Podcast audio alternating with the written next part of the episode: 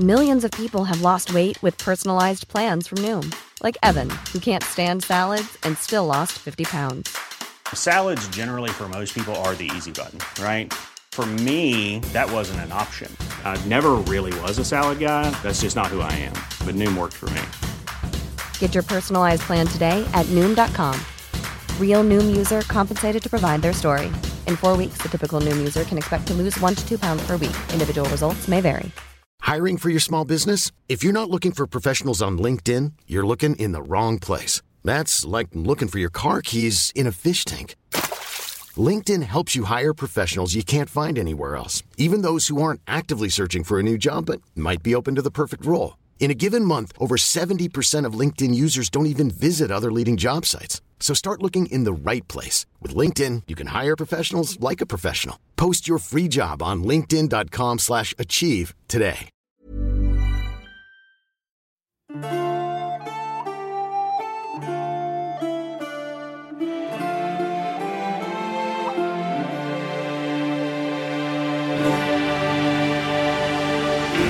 Velkommen til Mægtige Middelalder. En podcast, hvor middelalderforskere taler om den magiske, mystiske og frem for alt mægtige middelalder. Mit navn er Thomas Ebelholm, og når jeg ikke er vært på denne podcast, er jeg lektor i middelalderhistorie på Syddansk Universitet.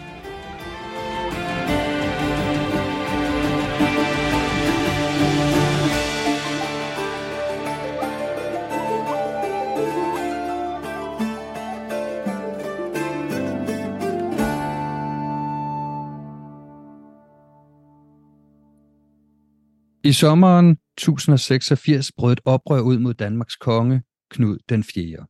Fra den nordlige Jylland drev oprørende kongen på flugt ned gennem landet til Fyn. Her blev han til sidst indhentet i Odense by, og fredag den 10. juli dræbt i Sankt Albans kirke, sammen med sin bror Benedikt og sit 17 mand store følge. Blandt rigets gejstlige, ikke mindst Odenses engelske klærke, vagte kongemodets chok og afsky og snart spredtes den tanke, at kong Knud havde lidt martyrdøden og burde ære som en helgen. Uvær, misvækst og sult under Knuds bror efterfølger, kong Olof gav næring til ideen. Elendigheden måtte være Guds straf for kongemordet. Snart cirkulerede rygter om jertegn ved graven i St. Albans kirke, og i foråret 1095 foretog man en elevation. Ved en højtidlig ceremoni blev kongens læme hævet fra sin plads under kirkegulvet og lagt over i en stensarkofag krypten under den nye, endnu ufærdige kirke nærved, som Knud selv havde påbegyndt, og som herefter blev videt til ham. Ikke længe efter døde den moralsk detroniserede kong Oluf. Som hans efterfølger kåredes broren Erik, der under Olofs regering havde siddet i eksil i Sverige. Med kongeskiftet blev vejret af der godt, og Erik sluttede straks op om den gryende Knuds kult. I samråd med biskoppen af Odense stiftede han et kloster ved Knuds kirke. Munkene hentede man fra Iveshem kloster i England. De skulle forestå martyrkongens kult. Dernæst blev en delegation i 1099 sendt til Italien for at få Knuds helgenværdighed autoriseret af paven. Og 19. april år 1100 lod man under en storslået translationsfest martyrkongens ben svøbe et byzantinsk pragtklæde og overflytte til et udsmykket skrin ved kirkens højalter. Således står der i en artikel fra 2010, der omhandler Knud den Hellige, Danmarks første helgen. Artiklen hedder Hellige ben i indvid ild, og det er mig en kæmpe fornøjelse at have forfatteren til denne artikel med på podcasten i dag. Og der er selvfølgelig tale om Kim Esmark, lektor i middelalderhistorie på RUK. Og Kim har forsket øh, en del i middelalderlig retsantropologi, og for dem, der ikke ved, hvad det er, så vil I forhåbentlig komme til at stifte meget nærmere bekendtskab med det her under øh, dagens episode. Men Kim har altså arbejdet med, hvad kan man sige, juridiske øh, spørgsmål, men ikke i en sådan strengt retslig øh, sammenhæng, men, men i, i, i bredere antropologisk øh, øje med, og det har han gjort i både da, øh, øh, på nordisk materiale og fransk materiale. Og derudover er øh, Kim en af landets fremmeste eksperter på den franske sociolog Pierre Bourdieu, og øh, hans Bourdieus forskning svæver over vandene i denne artikel. Så Kim, velkommen til podcasten. Tak, tak. Jeg er glad for at, at være med her. Ja, det er en stor fornøjelse. Det skal ikke være nogen hemmelighed. Vi har prøvet et stykke tid at, at få det til at lykkes, og nu er det endelig lykkes. Og det, det glæder mig. Men Kim, hvad er det med ham her, Knud den Hellige? Jeg har, nu har jeg startet med at sige, at det er det, den første danske helgen, men, men hvad er det for en, en, en, en historie, vi er vidne til her, som, som du jo også har skrevet om? Ja, det er jo en, en øh, fascinerende historie øh, om øh, en dansk middelalderkonge, øh, som bliver øh, gjort til en helgen, og som er den første helgen, vi så at sige producerer herhjemme selv. Hidtil, indtil det her tidspunkt, så har de helgener, man har dyrket i, i middelalderens Danmark, det har været øh, importerede helgener. Nu laver man en selv, og oven i købet er Knud faktisk også den første europæiske øh, sekulære fyrste, der bliver godkendt af paven som helgen.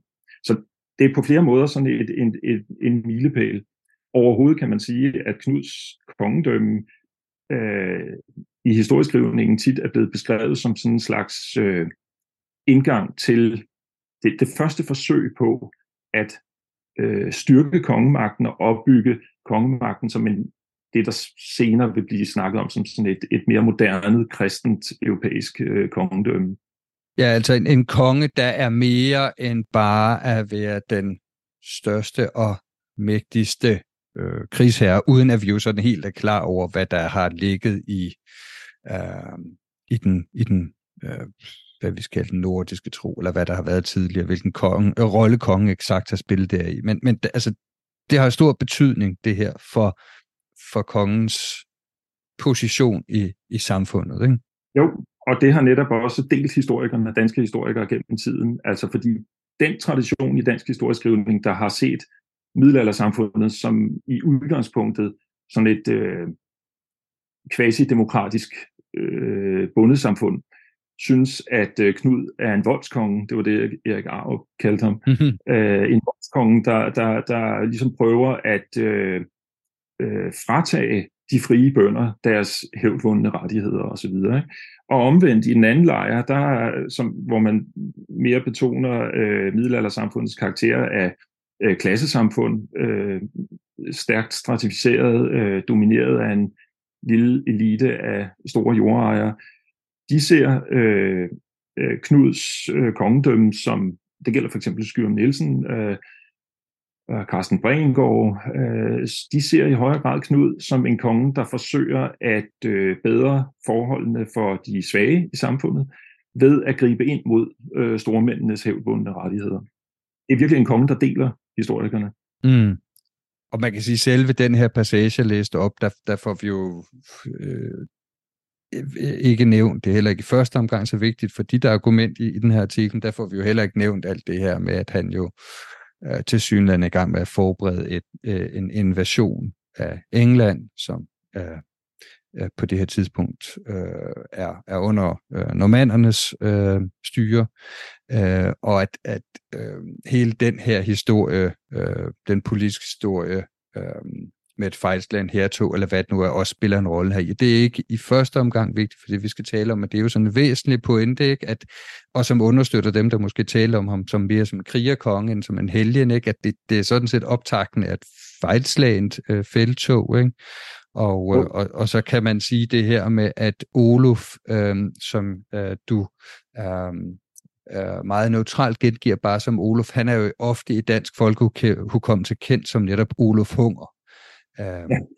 Uden at vi heller skal ind i her, om han helt har fortjent det. Men det er i hvert fald det, der er fortællingen om Knud, den fjerde Knud, den hellige, at øh, han var god, og øh, så kom der en slem Olof, men som heldigvis døde, og det, der var sådan et, et sammentræf med, at anerkendelsen af Knuds hellighed, og så videre, ikke også? Ja. Øhm, og det ved jeg ikke. Det kan være, du måske kommer tilbage til det, eller vi kommer tilbage til det. Men, men altså, det, det du har skrevet her, den her artikel, det kan man jo så sige er en, et koncentrat af, af, af i virkeligheden meget, meget større øh, øh problematik. Så altså, det kan være, at vi skal begynde med, hvad en helgen overhovedet er for en størrelse. Ja, der, der har vi jo en af udfordringerne, som vi tit snakker om øh, inden for middelalderhistorie, at på grund af reformationen, så øh, på de nordlige breddegrader her, der har vi på en eller anden måde blevet fremmed over for en meget væsentlig del af øh, det, der var middelalderens øh, religiøsitet. Øh, der er jo øh, historikere, der meget rigtigt har beskrevet middelalderens religion som hagiocentrisk, altså simpelthen øh, fokuseret omkring helgendyrkelse. At helgendyrkelse i en vis forstand var essensen af middelalderens religiøsitet. Og derfor er det rigtig vigtigt at, øh, at, at have sådan en eller anden øh, forståelse af, hvad der egentlig menes med de her helgener.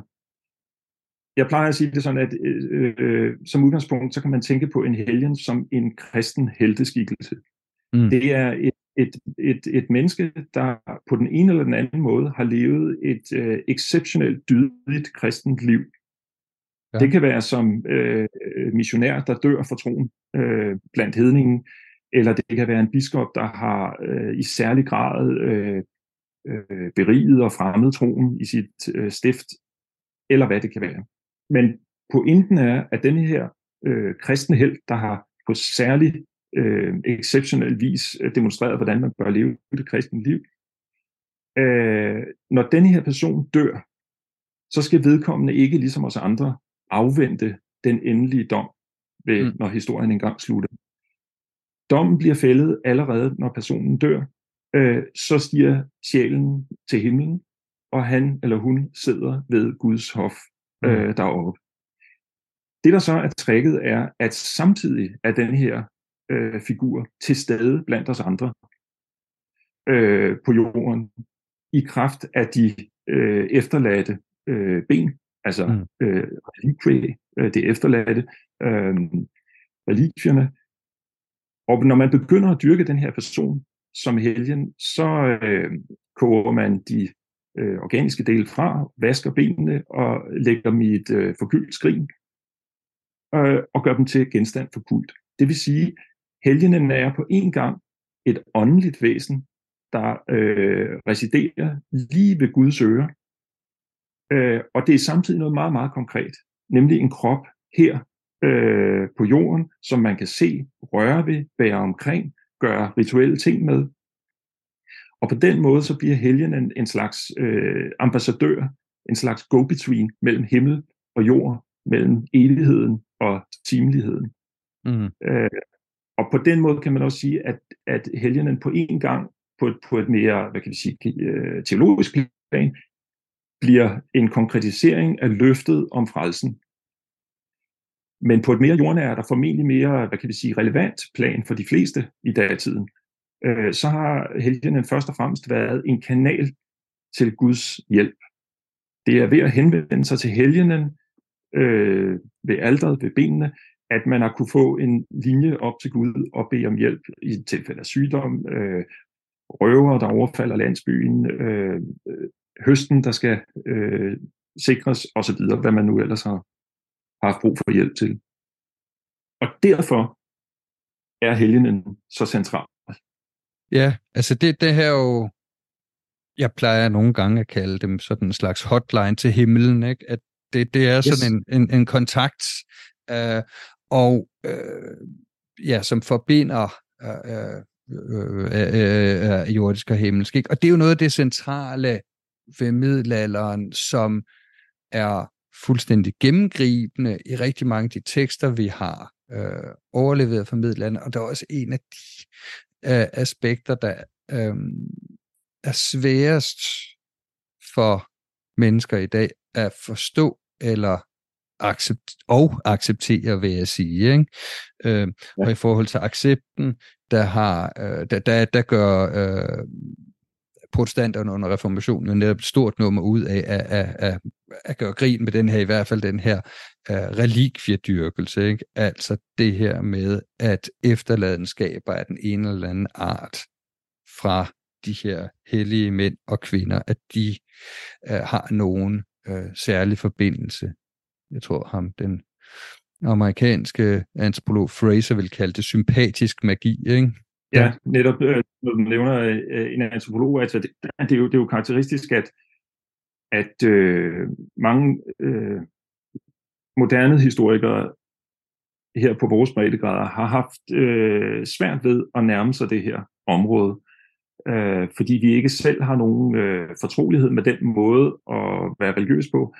Og øh, det er der, at øh, jeg mener, at sådan noget som antropologien har spillet en kæmpe progressiv rolle i middelalderhistorien øh, fra 60'erne og frem, hvor man er begyndt at se på, øh, hvad siger egentlig den forskning, som har studeret sådan nogle fænomener i live rundt omkring i verden. Antropologien, der kan man få øh, teoretiske og empiriske redskaber til at få mening i det her, øh, og forstå, hvordan det faktisk virker.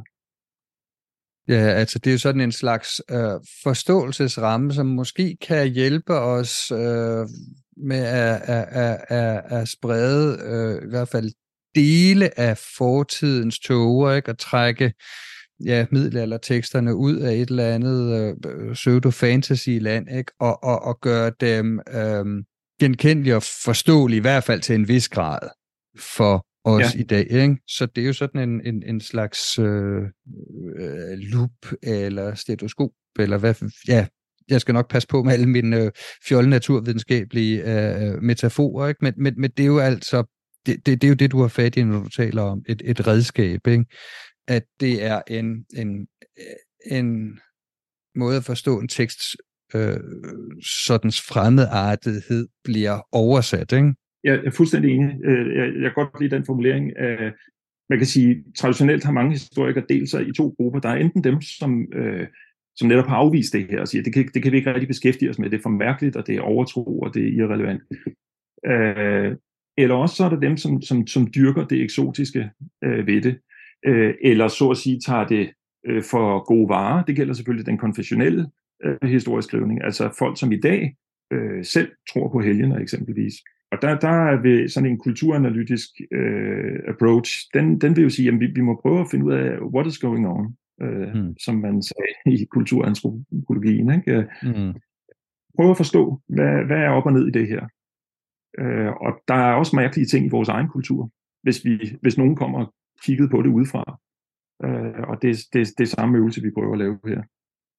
Ja, og det er en pointe, vi kommer tilbage til, fordi at øh, nu har jeg jo sådan lidt antydet, at, der jo ligger noget tekst på det her, og det gør der jo også. Ikke? Og der tænkte jeg, om du vil præsentere den, øh, øh, den tekst, eller det tekstkorpus, du har taget udgangspunkt i for at øh, forstå Knuds øh, helliggørelse. Ikke? Og vi kan, øh, hvis der er nogen øh, læser, undskyld, hvis der er nogen lytter, der er lidt i tvivl, så øh, arbejder vi os hen imod en, øh, en særlig del af ritualet i Knuds helliggørelse, en ildprøve. Men før vi kommer til ildprøven, så skal vi nok lige have etableret, hvad det er for nogle tekster, du arbejder med, øh, for at kunne give os det her peak ind i en, en virkelighedsforståelse af no 1100? Ja, altså, øh, det er jo øh, også, også på det punkt, er det øh, sådan banebrydende, de her begivenheder omkring kong Knud, fordi det er jo faktisk den, nogle af de første eksempler på historieskrivning, der bliver lavet i Danmark. Øh, de, de tekster, som øh, gejstlige øh, skriver i anledning af øh, Knuds helliggørelse. Og det drejer sig om, om det, som man har kaldt Odense-litteraturen. Tekster, som blev lavet med henblik på øh, Knuds kult, det vil sige, de øh, skulle øh, læses op, indgå i liturgien omkring øh, øh, Knuds kult. Øh, og den, den mest kendte og den mest omfangsrige øh, tekst af dem, det er den, som den engelske præst øh, Aylnoth øh, skriver i måske 1115 plus. Øh, men den, som øh, øh, er den vigtigste i den her sammenhæng, det er den, som kendes som Passio, altså som er øh, øh, hvad hedder det, øh, Knuds lidelseshistorie. Så det, det er egentlig den, jeg vil øh, fokusere på her. Øh, den bliver skrevet nemlig allerede formentlig i vinteren øh, 1095-96. Det vil sige ganske kort efter, øh, et halvt års tid efter, at man har foretaget elevationen. Mm. Øh, og det er en, en interessant tekst, øh, som falder i ni kapitler, fordi den skal passe med øh, gudstjenestens form. Øh, og det er en interessant blanding af, øh, kan vi sige, historieskrivning og helgenlegende. Den har øh, et formål og en funktion, at den skal øh, forklare, hvorfor er Knud en helgen? Hvorfor er Knud den her kontroversielle konge, som er blevet dræbt af oprørere, som altså har, har, har været mødt af massiv modstand i sit rige? Øh, hvorfor er han værdig til at dyrkes som helgen? Og øh, der er det interessant at se, at øh, begrundelsen i teksten først og fremmest er politisk. Altså de prøver, de her øh, klærke, der har skrevet den her tekst, har ikke prøvet at fingere, at Knud skulle være sådan specielt øh, from, eller som, som privatperson eller lignende. Men hans politiske virke øh, øh gør, at han fortjener øh, helgenstatus. Det er nemlig sådan, at han på en særlig måde har forsøgt at værne kirken øh, og øh, værne de øh, fattige og afmægtige i samfundet, ifølge teksten. Øh, og på et helt overordnet plan, så bliver han jo så slået, ja, han bliver jo slået ihjel af oprørere for nogle af de politiske tiltag, han gør. Og for kirken er det en katastrofe. I hvert fald for de klærke, der ligesom starter den her kult. Fordi de ser angrebet på Knud som en, et udslag af en, øh, en politisk kultur og en øh, ret til at gøre oprør mod en hersker, øh, som man finder uretfærdig, som de mener er problematisk. Fordi kongen skal værne kirken, og kirken på det her tidspunkt øh, er stadigvæk så relativt øh, svag en institution i det danske samfund, at øh, de har brug for kongen som særlig beskytter. Og ved at gøre Knud til helgen, så projicerer man så at sige et kultisk billede af øh, et helliggjort kongedømme, som øh, vil kriminalisere øh, fejdevæsenet og oprøret som politisk mulighed. Ja, det er næsten som om, at øh, nogle af de senere krønike skriver, øh, øh, øh når de skulle tale om Knud Lavars kanonisering, det er næsten som om, de sådan skæver lidt til det her Knud Lavar, der heller ikke så voldsomt heldig, inden han dør, i hvert fald ikke, hvis vi ser på øh, Saxos udlægning, og nu er det fra hukommelsen, men hans, øh, hans Helen Vita husker heller ikke i første omgang som fokuserende på ham som, som hellig i, i første omgang, men at de i stedet for at de her øh, beskyttere, ikke? Øh, altså det her, det her øh, politiske aspekt. Ja, og selve det, at øh, på samme måde som det får uroliger kirken, øh, altså det, øh, parallellen til Knud Lavar er meget øh, relevant, fordi man kan sige, at han er hverken særlig from, eller øh, han er sådan set heller ikke en, en konge jo, men, øh, men angreb, altså øh, mordet på ham sætter gang i en ødelæggende borgerkrig, øh, og den type øh, politisk uro er ikke noget, kirken sætter pris på. Så igen handler det om det her med at bruge helgenkulten til at kriminalisere øh, fejdevæsenet øh, politisk øh, kamp. Ja, øh, og, og ligesom øh, øh, forsøge at øh, med religiøse midler at støtte op om visionen om sådan et stabilt kongedømme, hvor, øh, hvor magten er spredt ud på færre hænder og i, i, i højere grad kan bruges til at værne kirkens øh, funktion. Så vi har altså en, øh, en, en, en, en, en konge, man øh, øh hvis øh, hellighed i virkeligheden består i, at han så at sige opfylder en eller anden himmelsk mission, og han i, i levende liv, om han eksplicit i teksten var dybt troende kristen eller ej, så gjorde han i hvert fald det, der var det gode og, og, og hjalp kirken. Øhm, og, og så bliver han jo så øh, myrdet ud over Odense-litteraturen. Man kan sige, at den ildprøve, vi, vi, vi lige om lidt skal, øh, skal se nærmere på, den er kort beskrevet i, i denne her øh, Knuds lidelseshistorie. Øh, efter at teksten har beskrevet, hvordan han bliver øh, forfulgt af oprørerne og ender med at øh, blive slået ihjel i St. Albans øh, kirke i Odense, så fortæller den, øh, hvordan det her øh, community af øh, formentlig engelske klærke, der var i Odense på det tidspunkt, tilknyttet øh, St. Albans kirke, øh, hvordan de ni år efter Knuds død øh, har fået tilstrækkelig øh, opbakning, føler de selv, øh, til påstanden om, at Knud er død som martyr, til at de våger at lave den her elevatio, altså at hæve hans lame og gøre ham til en helgen. Øh, og øh, det, det er meget fint beskrevet, hvordan de, øh, hvordan de går frem, men stadigvæk ikke med så mange detaljer, som vi godt kunne ønske os, hvis vi ville have det der øh, ritual øh, tableau. Og derfor øh, må man gå til andre kilder også. Mm. Mm. Øh, og kigge ud i Europa og se øh, det her ildprøveritual, hvor man altså får lige at, at, at, at, at forklare det, at, som basically er en slags øh, et slags ordalje for, for helgenben. At man simpelthen tager nogle øh, påståede helgenben og udsætter dem for ild, og hvis de består den prøve, hvis ikke de bliver beskadiget, så har man bevist øh, helligheden. Mm. Og det interessante er, at den type ritualer er beskrevet i en række beretninger fra kilder ude i øh, det, det bredere Europa fra samme tid.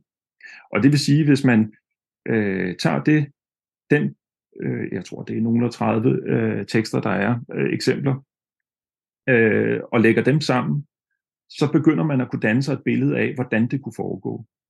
Vi har også en enkel liturgisk tekst, altså det vil sige sådan en forskrift øh, for, hvordan man skal lave det her ritual øh, fra, øh, fra starten af 1200-tallet øh, og øh, fra Frankrig. Mm. Og hvorvidt det er akkurat af den tekst, man har kendt i Odense i øh, 1095, det ved vi ikke, men øh, den kan bruges til ligesom at, at, at indkredse det øh, rituelle kompleks, som øh, er foregået på det tidspunkt. Mm.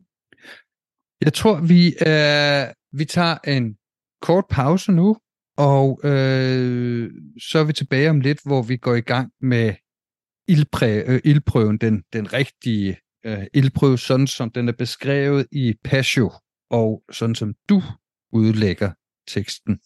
Øh, så vi høres ved lige om lidt.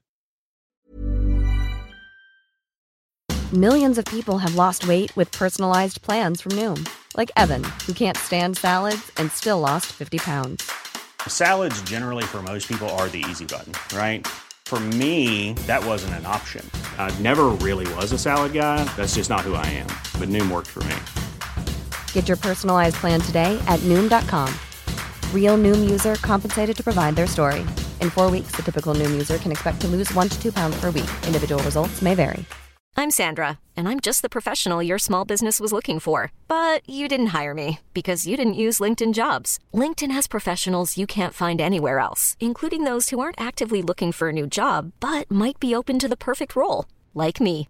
In a given month, over 70% of LinkedIn users don't visit other leading job sites. So if you're not looking on LinkedIn, you'll miss out on great candidates like Sandra. Start hiring professionals like a professional. Post your free job on linkedin.com slash achieve today.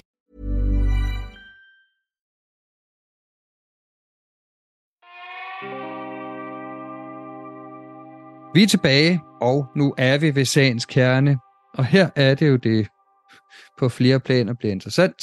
Hvad er en ildprøve, og hvad har det at gøre med relikvier? Man kan jo fra vores meget øh, sekulære synspunkt sige, at herren er jo død, så hvad er det her overhovedet for noget? Og Kim, vil du hjælpe os med at forstå, hvad, hvad, det, altså, hvad, hvad fortæller teksten, og hvad pokker gør du ved det for at få mening i øh, en praksis, som ser lidt mærkelig ud, men at... Ja, altså, øh, jeg, jeg prøver jo i første omgang at få lidt kød på og forestille mig, hvad der egentlig er foregået ja. i St. Albans kirke. Øh, hvad er det egentlig helt lavpraktisk, de har foretaget sig?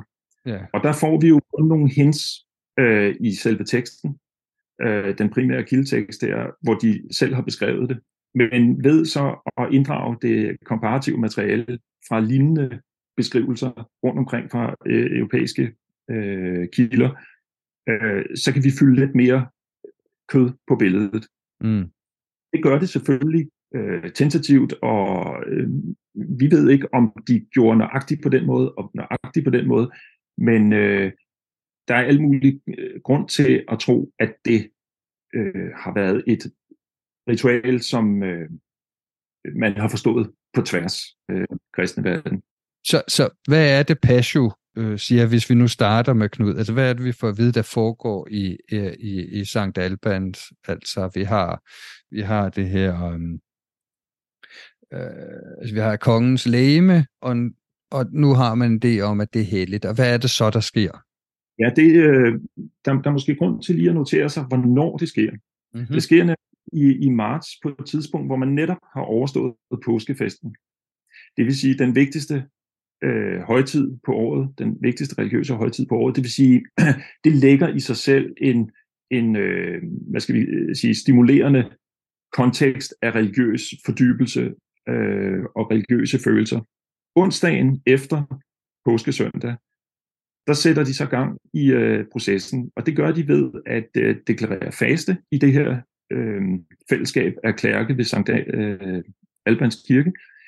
Og øh, de næste tre dage foregår i, øh, under faste med bøn og salmesang. Og rent, rent ritualanalytisk vil man sige, at det man gør der, det er, at man laver en slags nedtælling til et nulpunkt. Mm. Man, man øh, har en proces, hvor man ligesom leder frem til, at nu skal noget ske. Og ved at gøre nogle særlige øh, ting, der ligesom ved at faste, så markerer man jo, at nu, nu er der noget særligt på spil, ved at mm. øh, synge bønder og salmer osv øh, så er man på vej til det nulpunkt, hvor noget kan ske, hvor noget kan forandres. Øh, og da man så kommer til øh, øh, lørdag morgen, så går man til kirken, og så går man øh, øh, ind og graver Knuds lige op. Han er blevet, efter øh, mordet i 1086, der har man begravet ham der under kirkegulvet. Nu graver man øh, lægemet op, og så skal man øh, udsætte det for den her øh, ildprøve. Og det gør man på den måde, at øh, man øh, forbereder noget ild. Øh, sædvanligvis har det været i en form for røgelseskar. Så man skal altså ikke forestille sig, at de tænder et stort bål på kirkegulvet eller lignende. øh, vi snakker om øh, rituel ild, liturgisk ild, det vil sige glødende kul i et røgelseskar. Så vasker man benene øh, og øh, svøber dem i en eller anden form for stof. Og så fremsiger man en bøn, øh, en særlig bøn, øh, i hvert fald hvis vi øh, tør tro denne her øh, liturgi fra Frankrig, en bøn, som øh, blandt andet refererer til øh, øh, Daniels bog, kapitel 3, hvor der er en historie om tre jødiske mænd, som ikke vil øh, give efter for Nebuchadnezzars krav om, at de skal opgive deres tro. Mm. Øh, så han smider dem i ovnen, og det overlever de mirakuløst. Det vil sige, at i selve bønden er der en øh, reference til det centrale bibelsted, hvor der er en historie om, at det at kunne modstå ild bekræfter tro. Så det giver os også et hint om, hvad det er for en øh, teologisk øh, rationalitet, der ligger i det her. Okay, mm. nu står de så her øh, i den her lille trækirke med øh, øh, blus på røgelseskarret, og de har benene klar med øh, øh, stof omkring, de har fremsagt den centrale bøn, og så skal de her helgenben, de her, øh, det man forestiller sig af helgenben, de skal i kontakt med ilden. Og det, som de selv skriver om det i teksten, det er måske værd lige at øh, læse op, citere fra De siger, efter manges tilskyndelse eller anmodning, det vil sige, øh, de påberåber sig ligesom, at øh, der, var, der var opslutning til det her efter manges tilskyndelse eller anmodning, for at ikke de uforstandige sind skulle tages hen i tvivl. Så får de også lige begrundet, at det her det handler om at producere sandhed. Det handler om at aflive eventuelle øh, tvivlers skepsis over for Knuds hellighed. Så det er altså et, et, en form for bevismiddel. For at gøre det, så kastede vi fire gange meget stærkt blussende ild over hans hellige ben. Men den slukkedes i et øjeblik ret, som om der blev hældt vand derpå, og forsvandt aldeles, uden at gøre dem nogen men eller tilføje dem nogen skade. Det er den ganske korte beskrivelse, øh, som giver indtryk af sådan et vist drama. Mm. Det her med, at de kaster blussende ild på de hellige ben. Det betragter jeg lidt som sådan et øh, karakteristisk øh, en, en, en dramatisering. Hvis, hvis vi sammenholder det med øh, liturgien og hvordan vi i øvrigt ser det beskrevet, så skal vi altså forestille os noget, der er lidt mere kontrolleret. Øh, man lægger de her ben i kontakt med, med ilden, og så inspicerer man dem bagefter. Øh, på samme måde som man inspicerer hænderne øh, efter øh, at have gennemført en, en jernbyrd, øh, og ser om, om øh, de her hellige, hellige ben har taget skade. Mm. Og det må vi formode, at det har man også gjort her, og der har man konkluderet, at de har været uskatte. Øh, og så kan man runde det af, og ifølge liturgien øh, konstatere, at øh, ved at gøre sådan her, så har vi altså bevist øh, personens hellighed. Det er det, der, der, der øh, vi, vi sådan, det, det billede, vi kan forestille os, øh, er foregået. Ja, og hvad er det, der er med, med ilden her?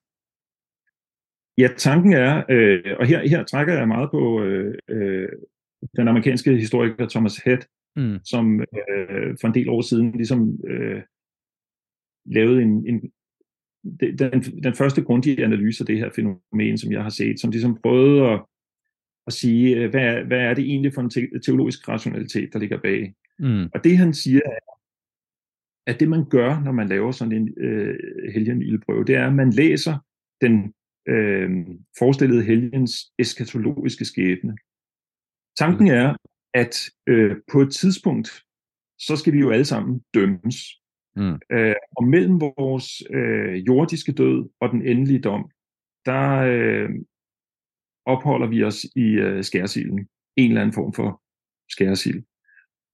Øh, og der vil almindelige sønder, de vil så at sige få brændt deres sønder væk, så de er klar til at kunne blive frelst, når historien slutter. Forhærdede sønder, de øh, øh, vil ikke opnå den øh, gunst. De vil ende i, i helvede. Og så mm. er der en helgenerne, som er dem, som slet ikke skal i skærsilden, som er stedet direkte til, til Guds øh, øh, side. Den skæbne, den eskatologiske skæbne, den kan man aflæse liturgisk ifølge denne her tankegang. Ved nemlig at lave den her særlige hellige indvidede ild, som er en slags øh, her og nu udgave af øh, skærsilden. Så mm. kan man undersøge, om en given person øh, er en forhærdet og fortabt sønder, om det er en almindelig sønder, eller det er en helgen. Mm. Fordi den forhærdede vil gå fuldstændig til. Og det er det, øh, altså kætterne på kætterbålen. Det er dem. De almindelige sønder, det er dem, der for eksempel bliver prøvet med, øh, på, med, med gudsdommen af jernbyrd, som øh, nok øh, tager skade, men som jo øh, stadigvæk kan, øh, kan gøre sig fortjent til frelse. Mm. Og så er der de helt særlige øh, helgener, øh, de kristne helte, som, som forbliver upåvirket af ilden. Så det er sådan øh, meget øh, forenklet gengivet mm, øh, mm, mm, teologisk rationalitet i det her. Ja. Det, der så er rigtig interessant at se på, det er, at i den bredere forestilling om sammenhængen mellem helgener og ild, der får det mange flere øh, farverige former. Altså mm. der kan man begynde at kigge på helgenberetninger om, om helgener, som i mange forskellige sammenhænge kan modstå ild, eller som kan øh, slukke ild, øh, og ovenikøbet også nogen, som kan sætte gang i ild. Mm. Altså at det tema med, at den der forbindelse, man har lavet med ild og helgener, den har man kunne øh, vende og dreje på mange forskellige måder. Ud fra sådan en, hvad kan man kalde det, en ikke særlig sådan stringent teologisk program, men mere sådan det, som jeg øh, har sammenlignet med det, som Wittgenstein kalder sådan en familienæhnlichkeit, altså en familielighed. Det er noget, der, mm. der øh, ligner hinanden, eller Bourdieu kalder det sådan øh, uimodståelige analogier. Øh, det er den slags forbindelser med tegn og symboler, som ikke behøver sådan en, øh, en helt strikt teologi, men som mm. bare bygger på øh, øh, eksempler og erfaring, og det, der ligner. Ja. Derfor kommer der også senere en historie om, at Knud faktisk forhindrer øh, en ildbrand, altså den for længst afdøde Knud, øh, altså ja. Knud som helt. Altså ja, det er jo der, hvor vi er ude i miraklerne og sådan noget, ikke? Og, og, og, og hvis man var lidt grov, så ja, det er der, hvor han lige er inde og bekræfter, at jeg har sendt det nu, ikke? Og, og han ja, på den måde opløser den her, det der hårde skillelinje mellem liv og død og, og så videre, ikke? Nu har du jo øh, øh, kort udlagt øh, selve teksten for os, ikke? Og, og det har du trukket øh, fra, altså fra, fra ved, ved at sammenligne fra andre europæiske øh, tekster, og, og så en forståelsesramme, som vi har her fra både øh, filosof som Wittgenstein eller sociologer som Bourdieu, ikke? Så øh, nu er vi jo sådan inde i, i, i, hvordan du forsøger at lukke den her tekst op, som jo på overfladen øh, ja, altså jo ser lidt fantastisk ud, ikke?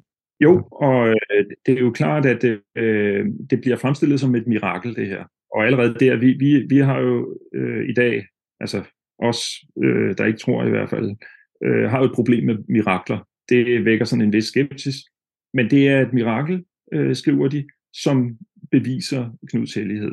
Og det er ikke et mirakel af den slags, øh, som sker pludselig og uventet på Guds egen foranledning, men det er sådan et fremkaldt mirakel, mm. som de sat i stand ved, øh, ved den her liturgisk kontrollerede proces, og som jo vel og mærke ikke alle og enhver kunne øh, foranstalte. Det er ikke sådan, at bunden på marken kunne kaste ild på nogle ben og så lave sådan en prøve. Det, det, det kræver selvfølgelig, at det er øh, ordineret gejstlige, mm.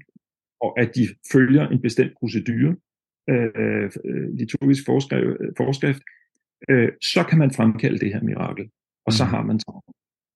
Mm. Øh, teksten nævner også, at det bliver efterfulgt af to andre mirakler, eller det sker i, i, i sammenhæng med to andre mirakler. Og det ene er, at, at Olof dør kort efter. Øh. ja, det, ja, det er jo gribende. ja, og det er jo et rigtig godt eksempel på, hvad et mirakel kan være. Altså fordi hele øh, pointen er selvfølgelig øh, lidt på samme måde, som hvis, lad os nu sige, at, øh, at jeg blev rigtig alvorligt syg, og så uforklarligt lige pludselig blev rask igen så er det jo bare et spørgsmål om, hvordan forklarer man det?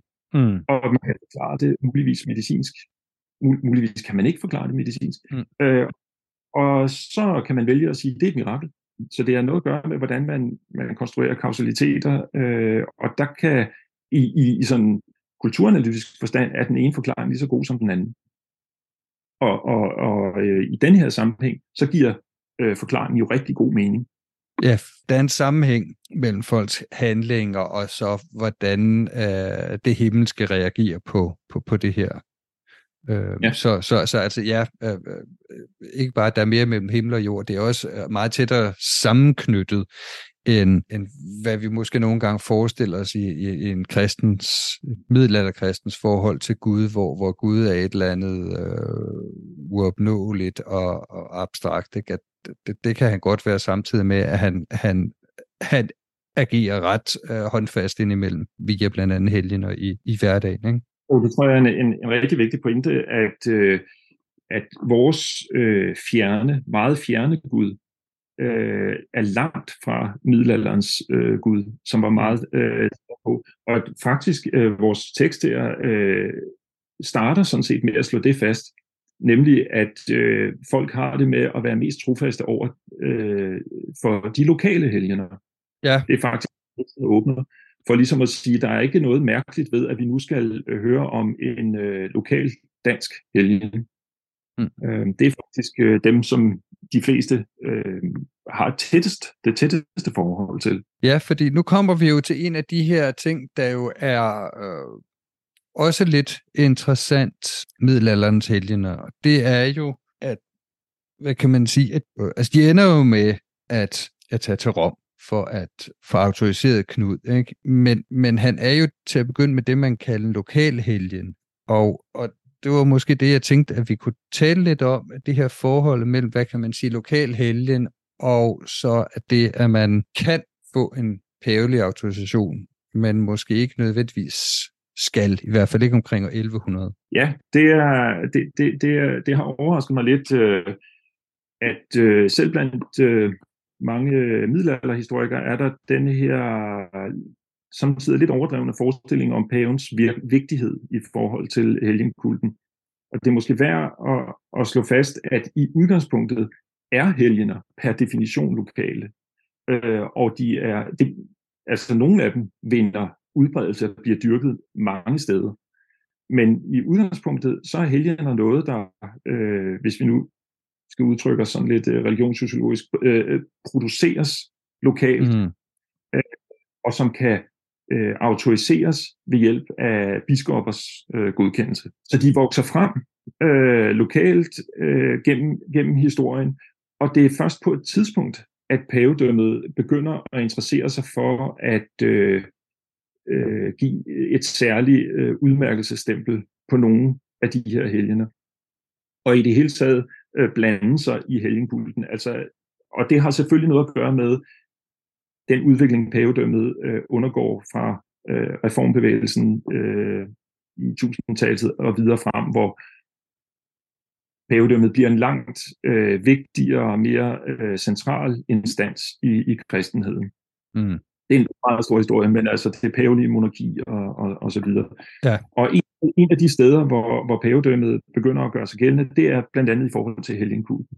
Og ligesom prøve, så at sige, at i højere grad kontrollere øh, kultens religiøse økonomi, hvis vi kan sige det sådan. Mm. Altså, hvem har egentlig ret til at kåre helgener? Hvad må man øh, med de her helgenben? Øh, man må for eksempel ikke købe og sælge dem, øh, vedtager man på det fjerde lateran øh, koncil og, og, og, og den slags i, i, i 1214. Så historien om, hvordan øh, paverne gradvis forsøger at få greb om den her kult, det er en, det er en meget langstrakt historie. Ja. Øh, og det er først i, i, i anden halvdel af 1100-tallet øh, og frem efter, at man begynder for alvor at tale om, at helgener egentlig bør godkendes i Rom. Altså at nye, nye øh, helgenkulte bør godkendes i Rom. Men det er en langsom udvikling, og langt op i senmiddelalderen bliver der lavet mange flere helgener øh, rundt omkring i det kristne Europa, end der bliver godkendt i Rom. Øh, så når vi er i, i særdeleshed, når vi er helt tilbage her omkring år 1100, så er der intet, der øh, i den forstand øh, kræver, at, at øh, Olofs efterfølger Erik Ejegod, som gerne vil støtte op om den her knudskult, der er intet, der kræver, at han tager til Rom og beder om at få øh, øh Knud mm. øh, Gud.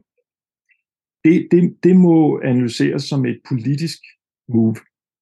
Altså, øh, Erik vil jo gerne have et øh, selvstændigt dansk øh, øh, ærkebispedømme. Han vil gerne rive den danske kirke løs fra Hamburg-Bremen, øh, og der er en alliance med paven jo øh, en, en væsentlig øh, øh, faktor. Og det at kunne gå til paven og sige, jamen, vi, vi har en, øh, en, en kongelig biskop her, vi vil faktisk gerne bede om din godkendelse. Det er jo at tilskrive paven ære mm. og tilskrive status.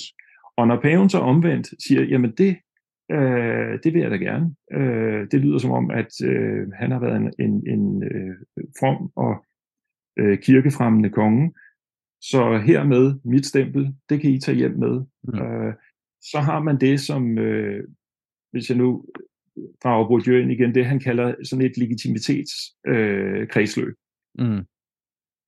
som mm. begge par øh, har gavn af. Øh, så, så der er selvfølgelig en masse politik omkring det her øh, også.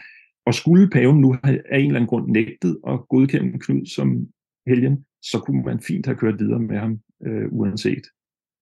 Ja, og det, øh, det synes jeg er et fascinerende argument, øh, det her med, at det ikke er, er tvunget for, øh, for danskerne at, at, at, at spørge paven, men det er politisk, og der, der er det jo også væsentligt at nævne på det her tidspunkt, der har paven ikke det bedste forhold til de, de hellige romerske kejser. Det er jo i den periode, vi kalder investiturstriden, så det har også været gefundenes fristen for, for sådan en pave at kunne gå og, og, og, og udpege en dansk helgen på, på, på grænsen til til, til kejseriet og, og berøve den øh, et, et, et, øh, et ærkestift.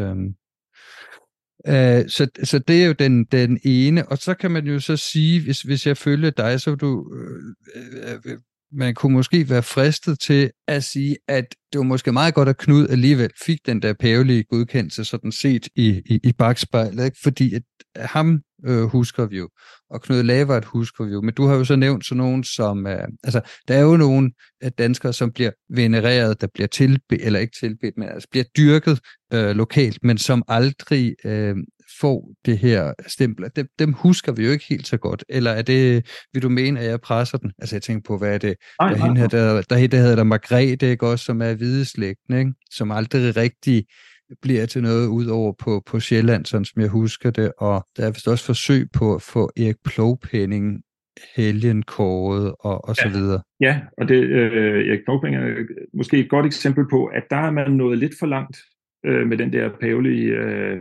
Ja. øh. Øh, så der, der, der, der har man efterhånden en, en egentlig sådan retlig prøvelsesprocedure, øh, procedure, og den kan, den kan han altså ikke klare. Øh, eller, øh, danskerne kan ikke klare at, at, at få det god, godkendt. Men der er ingen tvivl om, at det betyder noget. Man kan sige, det er ikke et krav for at blive en helgen omkring år 1100, at man øh, får pavens godkendelse, men det begynder at blive sådan en slags øh, ekstra stjerne på skuldrene. Særlig anseelse og status. Øh, det, det skaber ligesom et, så at sige, et elitelag af helgener. De helgener, der, er, der, der kan få pavelig godkendelse, de, de har ligesom en, en øh, ekstra gloire omkring sig. Mm. Det, det vil man jo rigtig gerne med sådan en kongehelgen her. Så i den forstand er det på ingen måde øh, øh, ligegyldigt eller irrelevant, men det er mere, øh, har mere at gøre med status og øh, politik, end det har at gøre med, øh, med kanonisk ret. Men dog øh, kan man jo så sige, øh, altså det er jo en, en af funktionerne, nu har vi jo godt nok kun berettet på skrift, og det kunne, der kunne principielt være sket meget, men man kan dog sige, at at, øh, at, at kirken allerede er omkring 1100, er jo bestemt ikke ubekendt med det her med, at man godt vil have beviser. Nu er det jo bare så forrettet lokalt, i det her tilfælde ildprøven, ikke? Øhm, Ja. Hvor man kan sige, at Olofs død, det er måske, øh, altså, øh, også i samtiden kunne nogen måske godt have sagt, at måske var det noget andet, der var foregået, ikke? Men, men ildprøven, den er jo sådan på en eller anden måde dejlig håndgribelig, ikke? Næsten i bogstavelig forstand, ikke? Øh, øh og det, det har jo også en funktion ud over det her øh, rent rituelle, at, at der, der foregår også et eller andet øh, materielt øh, som bevisførelse. Ja, og øh, i, i virkeligheden er det jo, øh, altså på den måde, så, så bevæger øh, helgenkulten sig øh, mellem det, vi kunne kalde øh, ritual og lov. Mm. med, med tiden, så, som, som jeg antydede før, så, så øh, bliver der jo øh, etableret nogle egentlige sådan juridiske foranstaltninger, nogle procedurer for, hvordan man kan tjekke, øh, om en helgen virkelig er en helgen, hvis Mm. man vil ansøge om godkendelse. Mm. Øh, men det er hele tiden blandet op med rituelle øh, elementer øh, hele vejen igennem. I, jo også i den forstand, at først og sidst, så handler det jo om, at en helgen skal bevise sin helgenstatus i kraft af mirakler, Mm. øh, som skal øh, Og det er klart, at på et tidspunkt, så, så, øh, så øh, stopper kirken jo det her med gejstliges medvirken til ildprøver og, og, og dalier i det hele taget. Øh, I 1214 bliver det ligesom lukket. Øh, og så, så kan man heller ikke lave sådan en, en helgen ildprøve. Øh, og derfor, mm, mm, mm. vi har nogle eksempler fra senmiddelalderlige øh, kilder på, at det er sådan i mere folkelig øh, kontekst at stadigvæk er foregået. Øh, men det er ikke noget, der kan, der kan foregå officielt. Mm. Men det kunne det fint i 1100 og, og 1096. Ja, Ja, 95. ja. Og, men altså, polemikere kunne jeg have sagt, ja, men det er fint nok, at I har, I har studeret sådan noget i gamle dage, men der var de jo dumme og utro, øh, og, ikke utro, overtroiske, eller, eller noget af den stil, ikke? Øhm, øh, øh, altså, sådan noget praktiserer vi jo ikke i dag, men, men det er jo lidt en af dine øh, pointer, ved jeg også, at, at det er jo at sætte øh, skal sætte det hårdt op, ikke? og vi har jo sådan kredset lidt om det allerede, men øh, jeg synes, vi skal prøve at se, om vi kan slutte en, Øh, øh, en, en krølle på den her med, jamen altså, vi taler om fortidritualer for 900 år siden, ikke? og det virker meget fremmedartet for nogen selv, efter vi har forsøgt at, at udlægge teksten, ikke? Men, men det er jo ikke helt fremmedartet det her alligevel.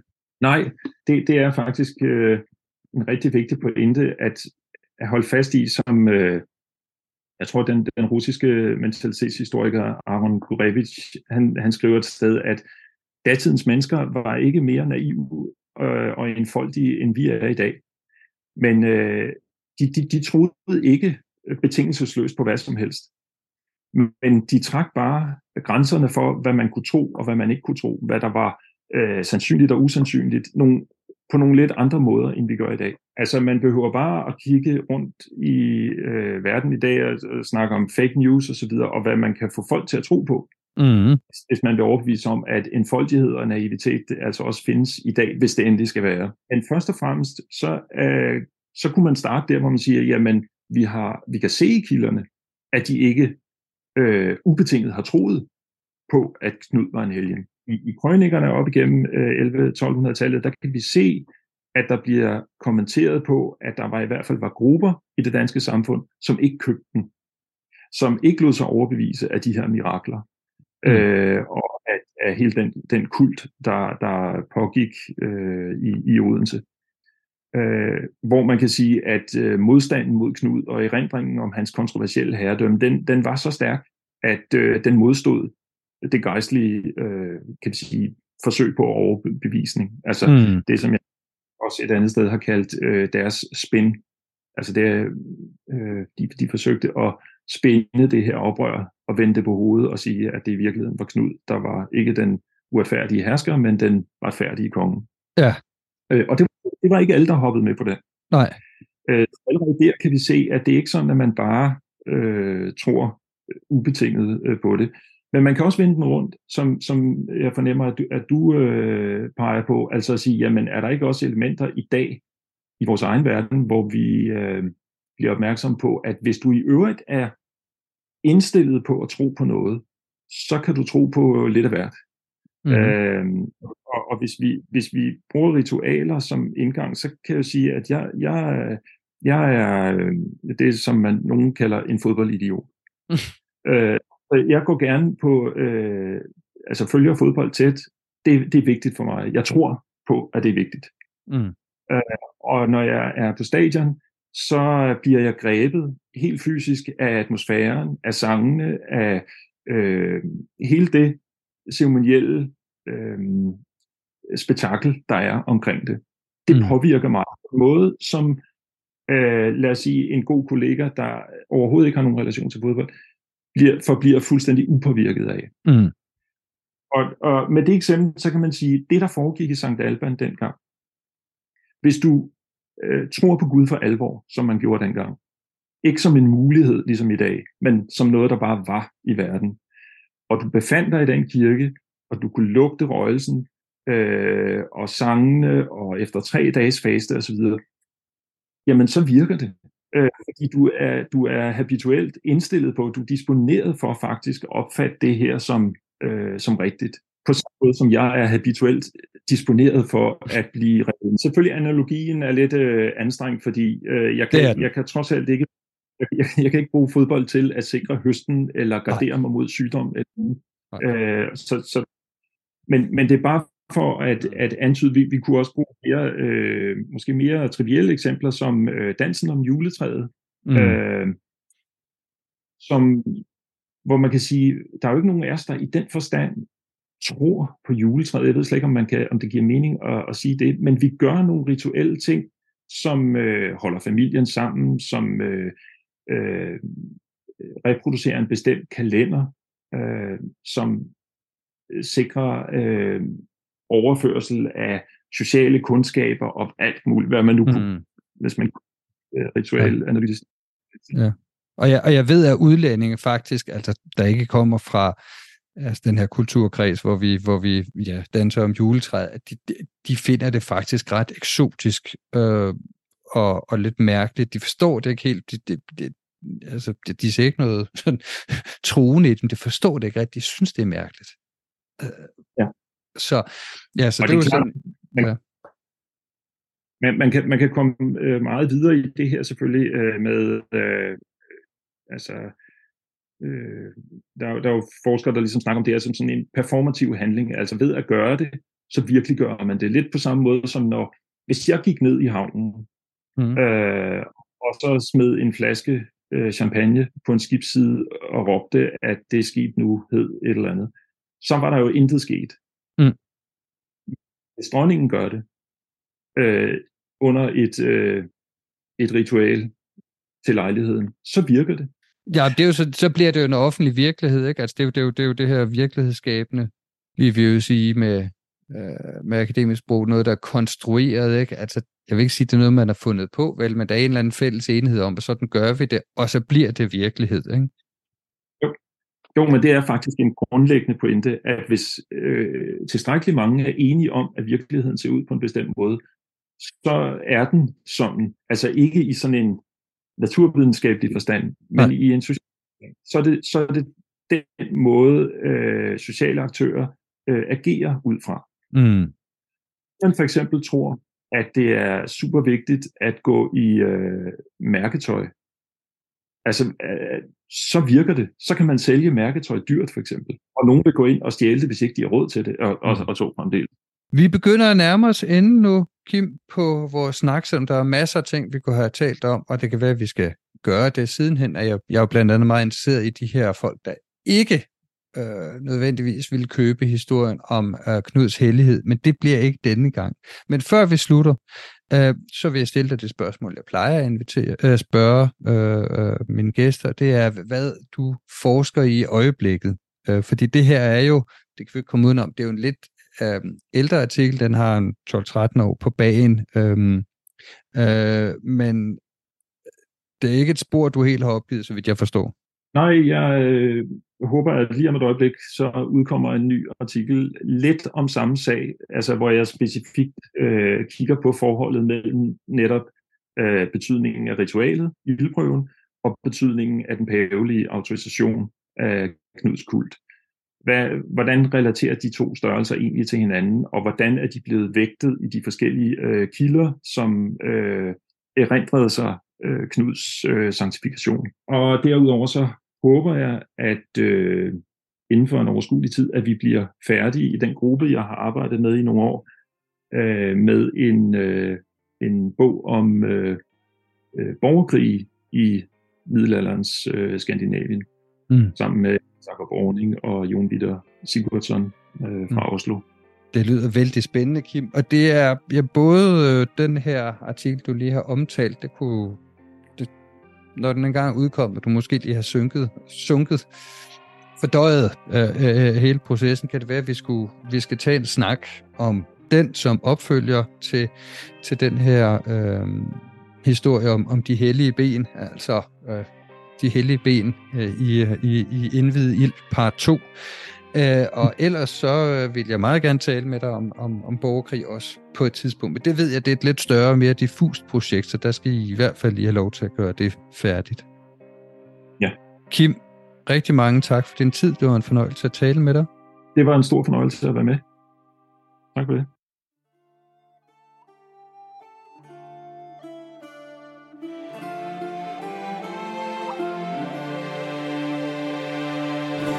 Det var alt for nu på Mægtige Middelalder.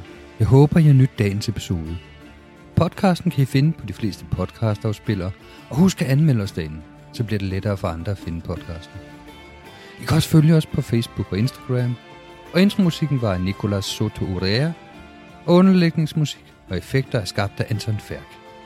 Ha' det godt derude. Jeg håber, I vil lytte med en anden gang.